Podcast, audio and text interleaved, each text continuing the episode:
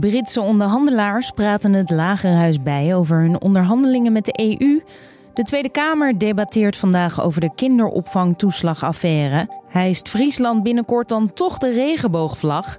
En de wereld wacht in spanning op een historische raketlancering. Want voor de eerste keer zal een commercieel bedrijf, SpaceX namelijk, mensen naar de ruimte sturen. Nu nog met NASA-astronauten, maar in de toekomst ook met ruimtetoeristen.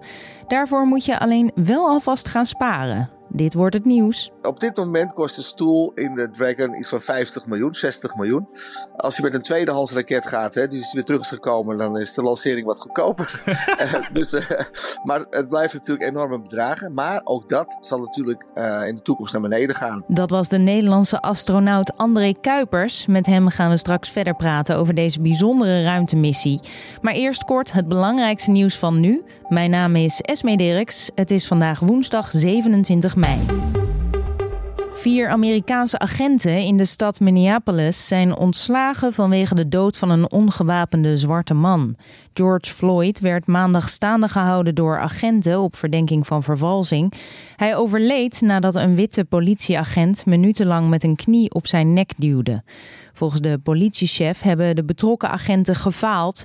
En de FBI onderzoekt nog of de agent die zijn knie op Floyds nek zette zal worden vervolgd voor moord. In Minneapolis is knielen op de nek van een verdachte toegestaan, mits hij zich verzet bij zijn arrestatie. Maar volgens de advocaat van Floyds familie was dit niet het geval. In Amerika zijn grote zorgen over de ongelijke behandeling van Afro-Amerikanen door witte politieagenten. Twitter heeft twee tweets van Donald Trump gelabeld als mogelijk misleidende informatie.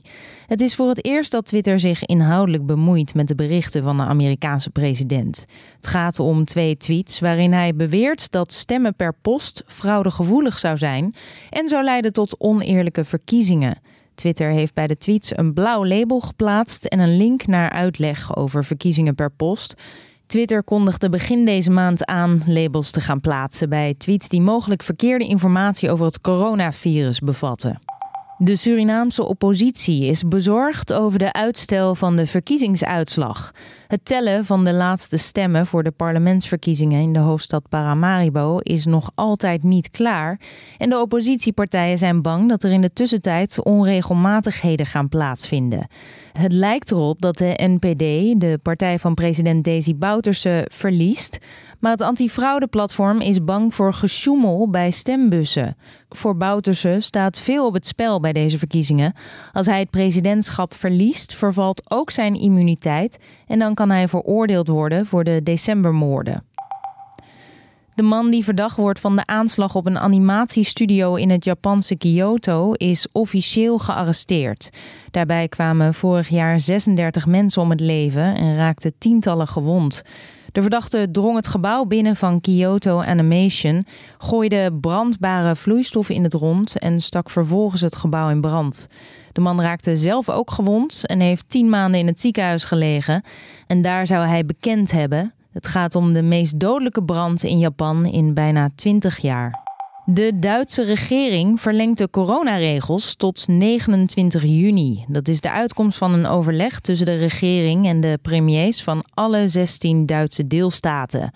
Tot 29 juni moeten alle Duitsers anderhalve meter afstand van elkaar houden, tenzij ze tot hetzelfde huishouden behoren.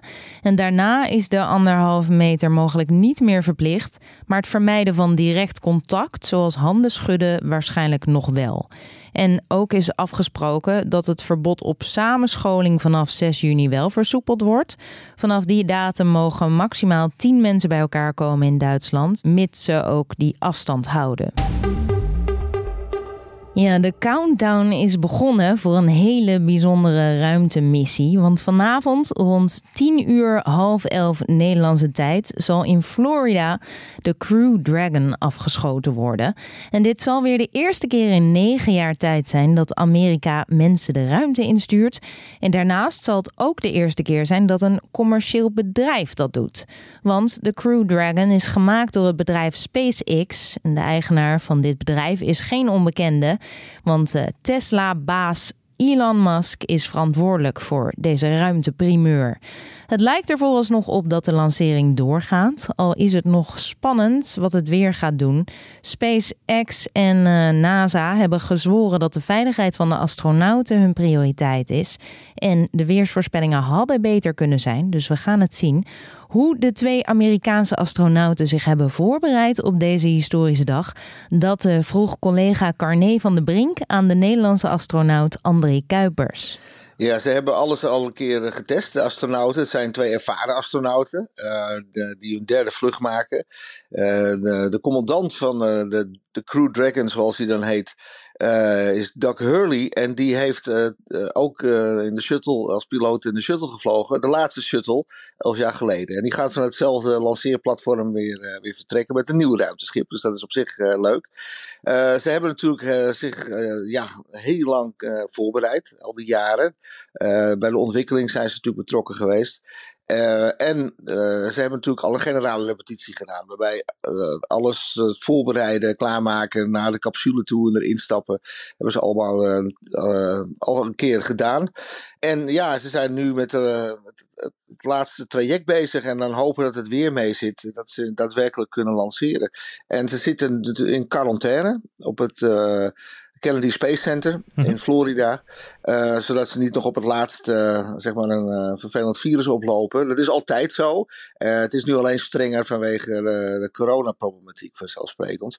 En dan bereiden ze zich voor. Wel een voorbereiding met vele ogen in hun rug. Want de wereldpers schrijft al tal van verhalen of maken items over deze missie. Ehm, maar waarom denkt u dat er zo erg naartoe geleefd wordt naar dit moment? Ja, het is uh, nationale trots. Uh, ik denk dat dat vooral de, de, emotie is die belangrijk is bij het Amerikaanse publiek.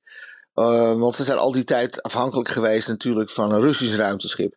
Ze hebben al eerder zo'n gat gehad tussen Apollo en de shuttle. Er is er ook jarenlang uh, niet gevlogen omdat ze geen, uh, ja, nog, de shuttle nog niet hadden. Uh, en nu is dat het ook. Maar ze hadden, we hadden natuurlijk wel het internationale ruimtestation. Dus daar moesten wel astronauten naar boven. En dat betekende dat Amerika elke keer zo'n 90 miljoen moest betalen per astronaut om naar boven te brengen. En ja, dat, dat belastinggeld geven ze natuurlijk liever aan, aan een Amerikaans bedrijf.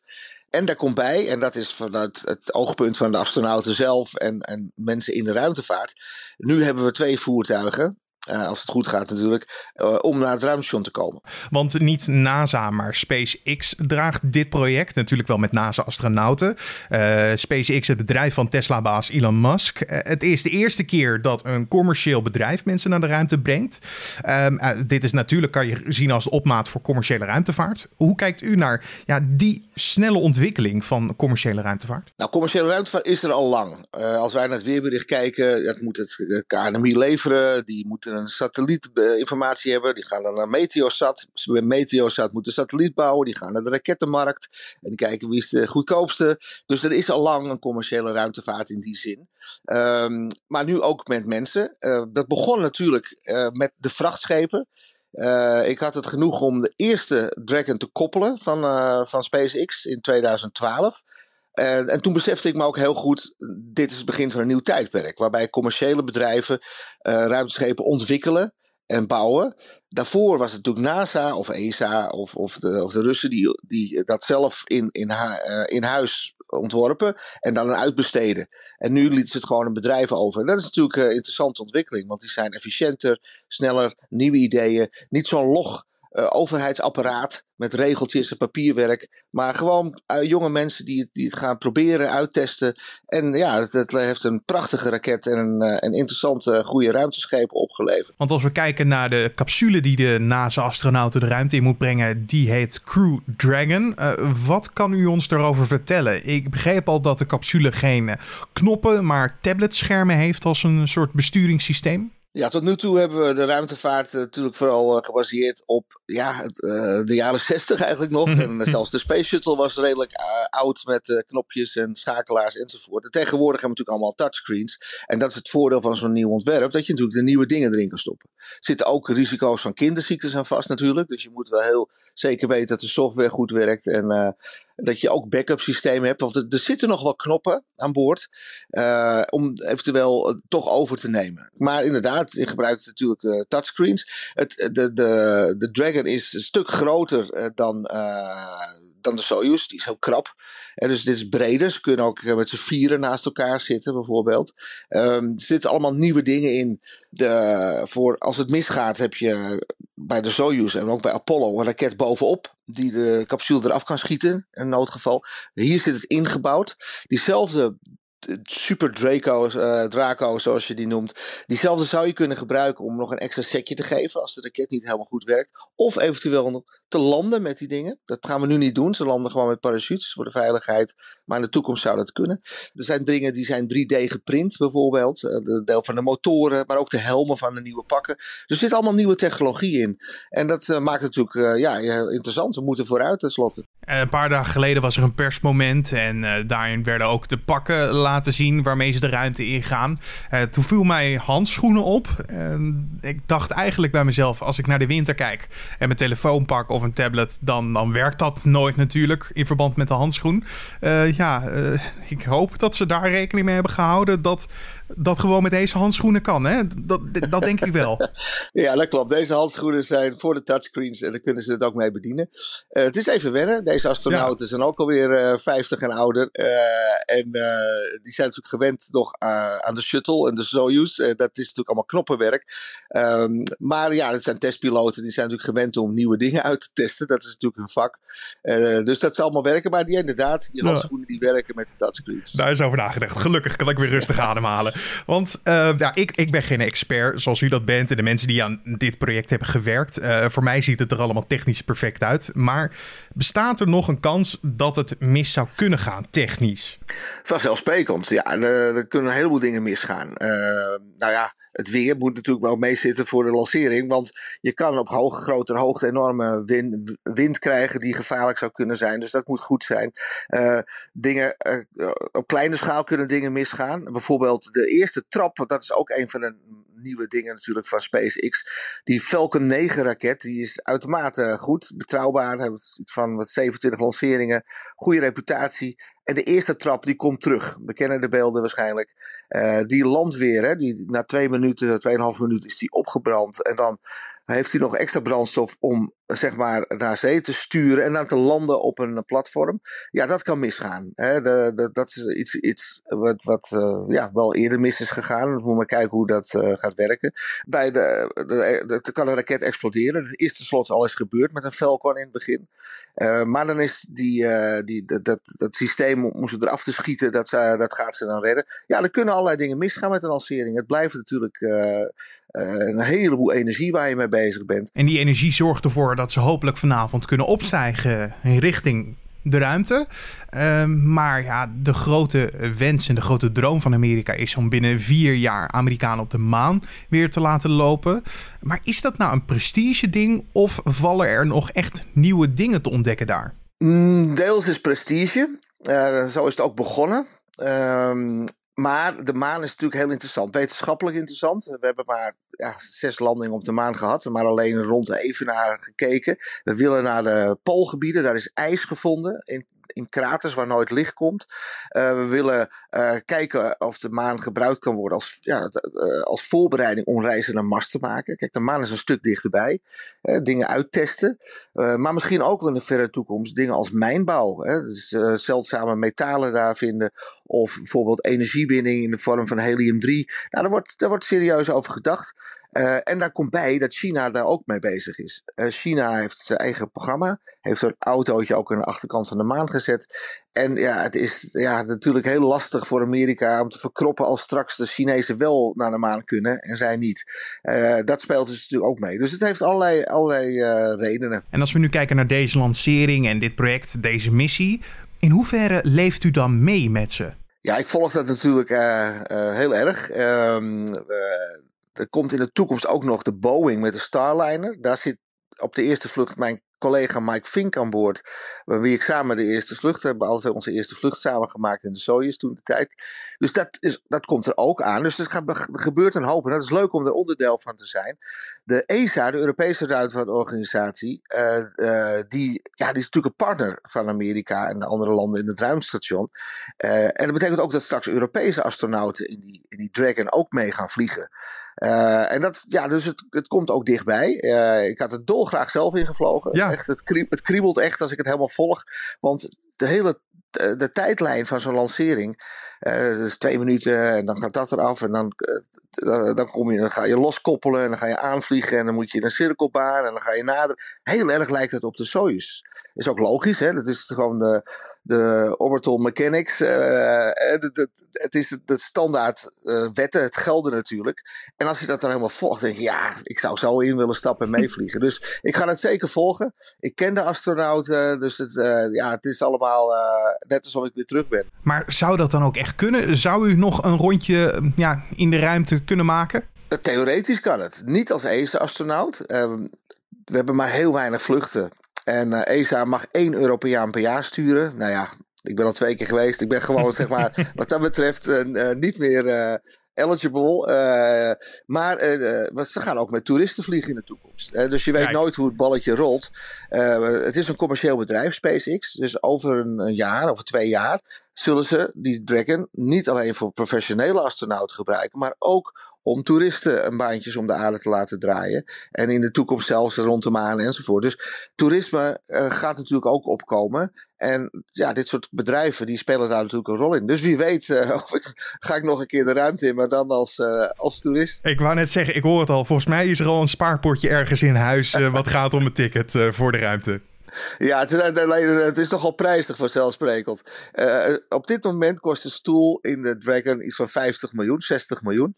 Als je met een tweedehands raket gaat, hè, die is weer terug is gekomen, dan is de lancering wat goedkoper. uh, dus, uh, maar het blijft natuurlijk enorme bedragen. Maar ook dat zal natuurlijk in de toekomst naar beneden gaan. Het hebben we natuurlijk net zo gezien als met de luchtvaart. dus ja, ik denk dat er een heleboel mensen zijn die nu op aarde rondlopen, die zich laten terugvinden in een baan aarde, gewoon als, als toerist. Uh, het zal voorlopig nog uh, de, de rijken zijn, maar uh, ja, alle, techniek wordt steeds beter en in de toekomst gaan er veel meer mensen de ruimte in. Dat was mijn collega Carné van den Brink in gesprek met astronaut André Kuipers. Van een uh, pop in een astronautenpak naar twee astronauten en in de toekomst misschien wel op ruimtevakantie. Vanavond is dus de lancering van de eerste bemande vlucht van de Crew Dragon. En uh, die is te volgen op het YouTube-kanaal van SpaceX. Mocht het weer roet in het eten gooien, dan zal de lancering uitgesteld worden naar dit weekend. Maar laten we hopen dat het vandaag gewoon doorgaat. En wat staat er deze dag nog meer te gebeuren? De Tweede Kamer debatteert over de affaire met de kinderopvangtoeslag. Die eh, kwestie draait om het feit dat de Belastingdienst ten onrechte de toeslag van honderden ouders stopzette op verdenking van fraude. Die conclusie werd onder meer getrokken op basis van hun eh, geregistreerde tweede nationaliteit. En dat klinkt als discriminatie. Daarom heeft het ministerie van Financiën daar aangifte van gedaan tegen de Belastingdienst. En vandaag praat de Kamer er dus over. En de Britse onderhandelaars praten vandaag het Lagerhuis bij over hun onderhandelingen met de EU.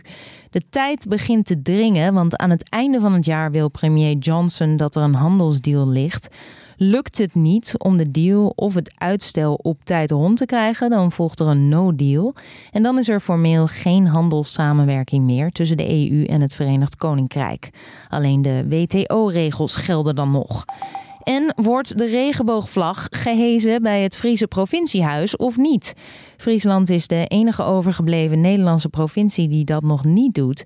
En die vlag is een teken van steun en solidariteit voor de homogemeenschap. Maar met name bij het CDA waren de meningen daarover verdeeld.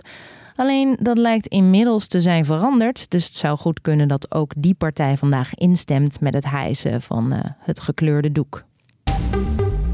En dan het weer. Het wordt een eh, warme dag. Het blijft droog, met vooral in de ochtend zon. Later trekken er vanaf zee wolkenvelden over het land. De temperatuur loopt op naar zo'n 16 graden aan de kust tot 25 graden in het binnenland. Ook donderdag begint zonnig, later gevolgd door wolkenvelden. En die aangename temperaturen houden tot na het weekend aan.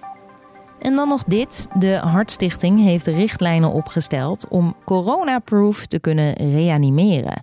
In die eh, richtlijnen wordt onder meer geadviseerd om mond-op-mond beademing te mijden en eh, de ademhaling te controleren op afstand. Dat wil zeggen alleen borstcompressies geven en een AED aansluiten. Ja, het is een advies. Het heeft ook te maken met je eigen gezondheid, wat je daarmee inschat.